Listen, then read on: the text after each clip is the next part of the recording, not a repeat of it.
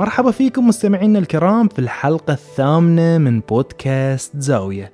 واليوم خلونا نتكلم عن الملل. ويا ترى شنو هو الكونتنت اللي عندنا اللي يخلينا نتكلم عن مفهوم نفس الملل؟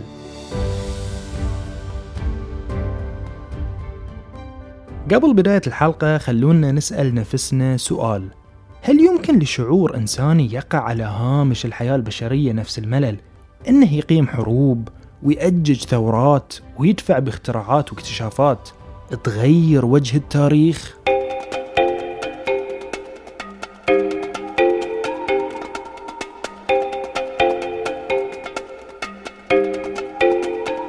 لو قريتوا رواية الملل للأديب الإيطالي ألبرتو مرافيا بتكتشفون أن الإجابة هي نعم. الملل يسوي كل ذي وأزيد. وعشان نتأكد من كلامه لو كان صح أو خطأ خلونا نفتح المكتبة ونشوف شي يقول لنا التاريخ نفسه.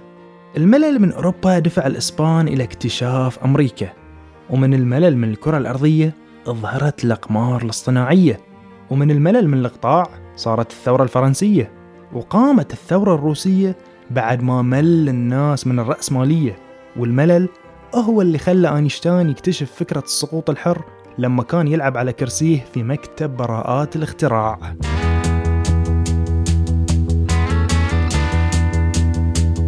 الفيلسوف التحليلي برتراند راسل يدعم رؤية ألبرتو مورافيا راسل ذكر شواهد تاريخية في كتابه The Conquest of Happiness أن الملل من أعظم القوى الحضارية المحركة عبر الحقب التاريخية ولولاه كان عجز الإنسان أنه يوصل للعديد من الإنجازات على مختلف الأصعدة راسل كان يشوف بأن الهدف الأساسي لتخلص الإنسان من الملل يعود إلى أن الإنسان داخل نفسه عنده قناعة بأنه إما أنه يعيش في إثارة مستمرة وروتين سعيد أو أنه بيعيش في ملل. وهالدافع هو اللي يخليه يبحث باستمرار عن العودة للإثارة والروتين السعيد. لذلك راسل يشوف بأن الملل شرارة مهمة جدا للوصول إلى أي مرحلة جديدة في حياة الإنسان. وعندنا أيضا مدرسة علم النفس الألمانية اللي تكلمت عن الملل الوجودي اللي يصيب الأفراد لما يختفي المعنى عن حياتهم ويضطرون للرجوع إلى فطرة البقاء للأقوى عشان يقضون على هذه الأزمة النفسية للوصول إلى معنى. وهالنتيجة ما تتحقق لهم إلا من خلال طور جديد في حياتهم وهو الطور اللي يتجاوزون فيه الملل.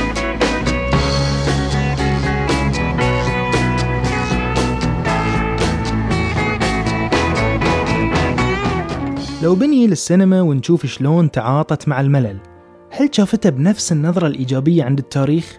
وشلون كان تصورها له في صياغة عوالمها؟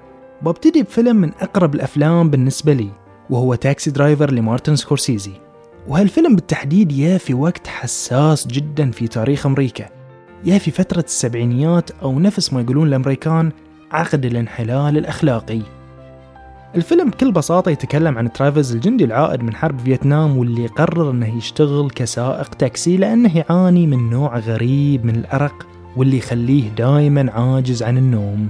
في هالفيلم الدرامي المثير للقلق والتوتر يقدم لنا المخرج مارتن سكورسيزي وجهة نظره حول الشعور بالعزلة والاغتراب في المجتمع المتمدن من خلال الجمع بين عناصر أفلام الرعب والإثارة. سكورسيزي يقدم للجمهور تجربة بصرية وفكرية بطريقة الرواية الذاتية.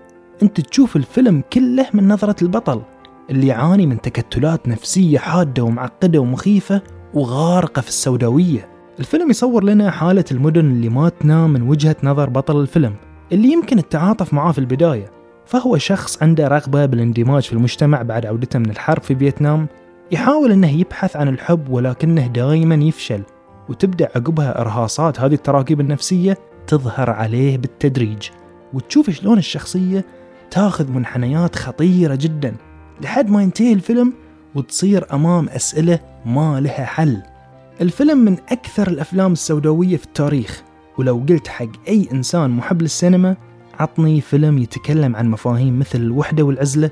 direct بيقول لك Taxi Driver. ولكن نصيحتي لا تشوفه إلا إذا كنت مستعد نفسيا لأنه ممكن يعرضك لمضاعفات نفسية غير عادية.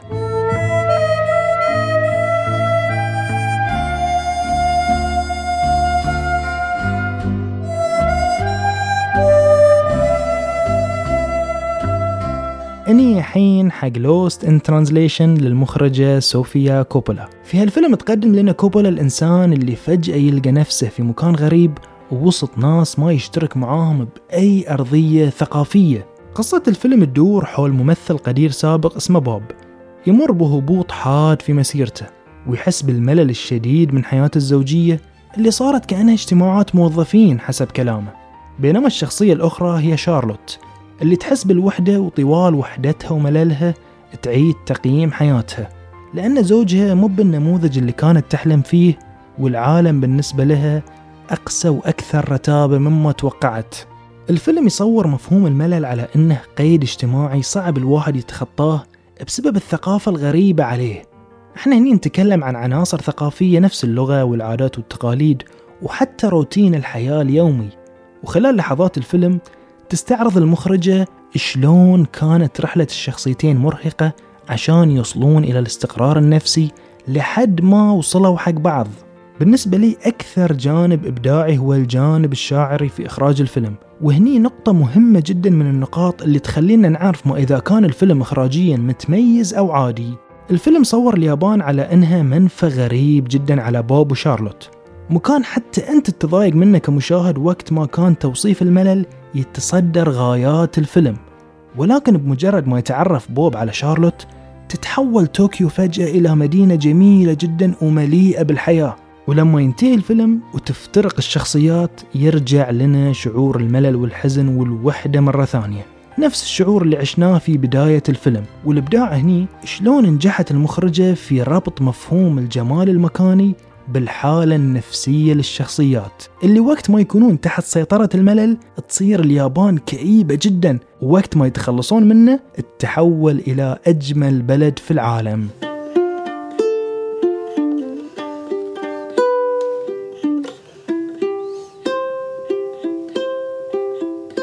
عندنا من المحاولات الجريئة لمناقشة الملل فيلم هير أو هي بالعربي. وقصته بصراحة غريبة أطوار هي قصة كاتب يعيش علاقة حب مع نظام آلي للرد اسمه سمانثا أنت قاعد تتكلم عن قصة تدور في المستقبل البعيد وقت ما تتطور التقنيات وتوصل إلى أشواط الإنسان عمره ما تخيلها. إنسان يرتبط عاطفيا بشخصية تقنية افتراضية ما لها وجود ملموس في عالمنا الواقعي. تقديم الفيلم لمفهوم الملل يختلف تماما عن الفيلم السابق. إحنا هني نتكلم عن ملل عاطفي غير وجودي. الملل هني جاي بسبب بؤس المستقبل والنظرة السوداوية اللي ما تثق بقدرتنا إحنا البشر على التحكم في محددات ومتغيرات المستقبل اللي بينا. وشلون أن الإنسان هالمخلوق صاحب العقل والإرادة والمشاعر بيصير حبيس عند إرادة التكنولوجيا ومبتغاها.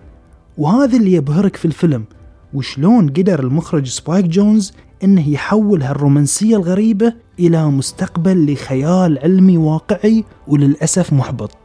الفيلم يخليك أمام مفارقة نفس المفارقة اللي طرحها تيد كازنسكي مفجر الطائرات والجامعات في كتابه المشهور المجتمع الصناعي ومستقبله. في هالكتاب أو البيان اللي نشر في سنة 1995 تيد كازنسكي يقول بأن المستقبل بيكون قدر بائس على البشر ومكان صعب للإنسان عشان يفرض إنسانيته عليه لأنه سلم هذه الإنسانية بكل خصالها لعالم الصناعة وهذا السبب اللي بيخلينا كائنات غير اجتماعية وتعيش في فخ الملل المستمر بدون ما نملك السيطرة في التحرك سواء للأمام أو الخلف وهذا هو مشهد المستقبل بعيون تيد كازنسكي ولكن هل بتتحقق رؤيته فعلا؟ ننطر ونشوف For six months, I couldn't sleep. I couldn't sleep. I couldn't sleep.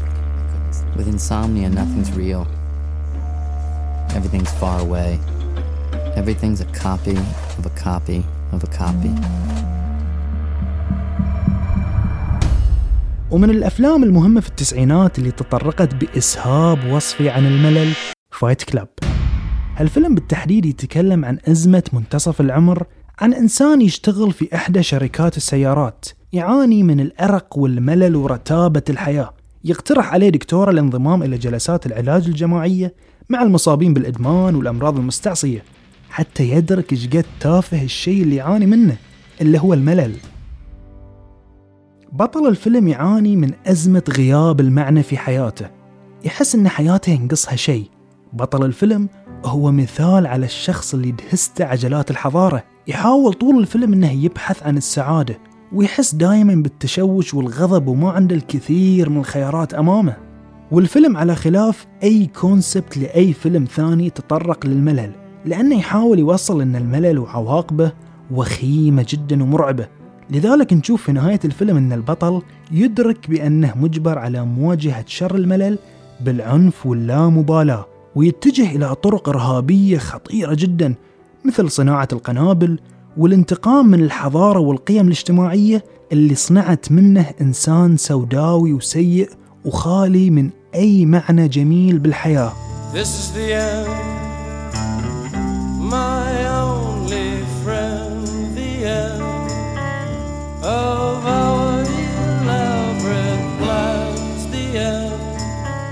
السينما تعرضت للكثير من الأفلام اللي تناولت مفهوم الملل بصور مختلفة ومتنوعة مثل Into the Wild, Castaway, Gravity وغيرها.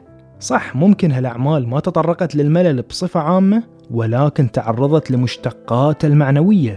والملحوظ في هذه النوعية من الأفلام إنها تحتاج كاتب متمرس ومتميز جدا في بناء الشخصية لأن نوعية القصة تفرض عليك تبني شخصية متماسكة وتحولاتها مدروسة ولها تبريرات منطقية في أي تغير يطري عليها لدرجة أنك إذا بترجع لهذه الأعمال بتلاحظ أنها كلها قدمت شخصيات كان لها حضور قوي في موسم الجوائز لأن موضوع الملل أساسا يتعرض للشخصيات بالدرجة الأولى مو بالقصة والقصة هي مجرد قالب يحتوي الأحداث ولكن معركتك ككاتب ومخرج تكون مع الشخصية بس. أما بالنسبة للقصة فهي تنسجم وفق رغبات الشخصيات واتجاهاتها وإرادتها لأي قرار وتحول.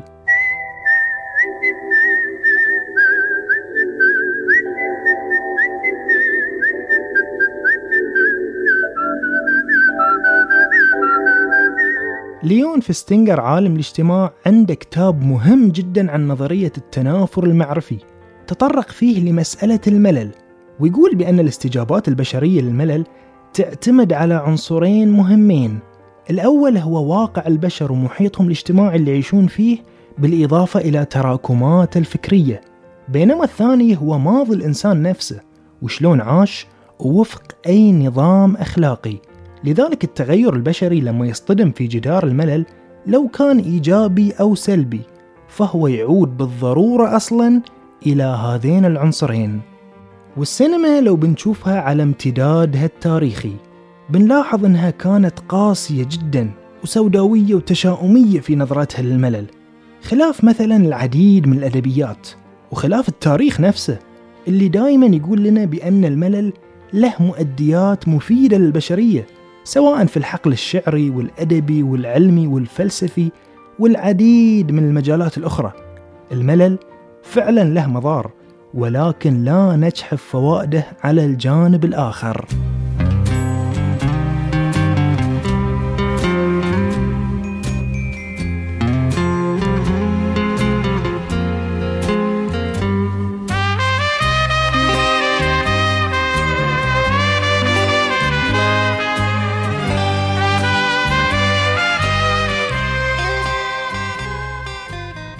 أعتقد وصلنا إلى نهاية حلقتنا اليوم.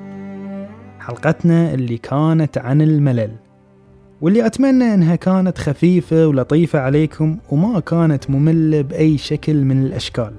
نشكركم قبل الختام جزيل الشكر على مناقشاتكم المستمرة على حسابنا في إنستغرام @زاوية.بودكاست وكالعادة إذا عجبتكم الحلقة ولا عليكم أمر تقيمونها وتشاركونها مع كل شخص مهتم بالموضوع. وإلى حلقة قادمة بإذن الله سلام.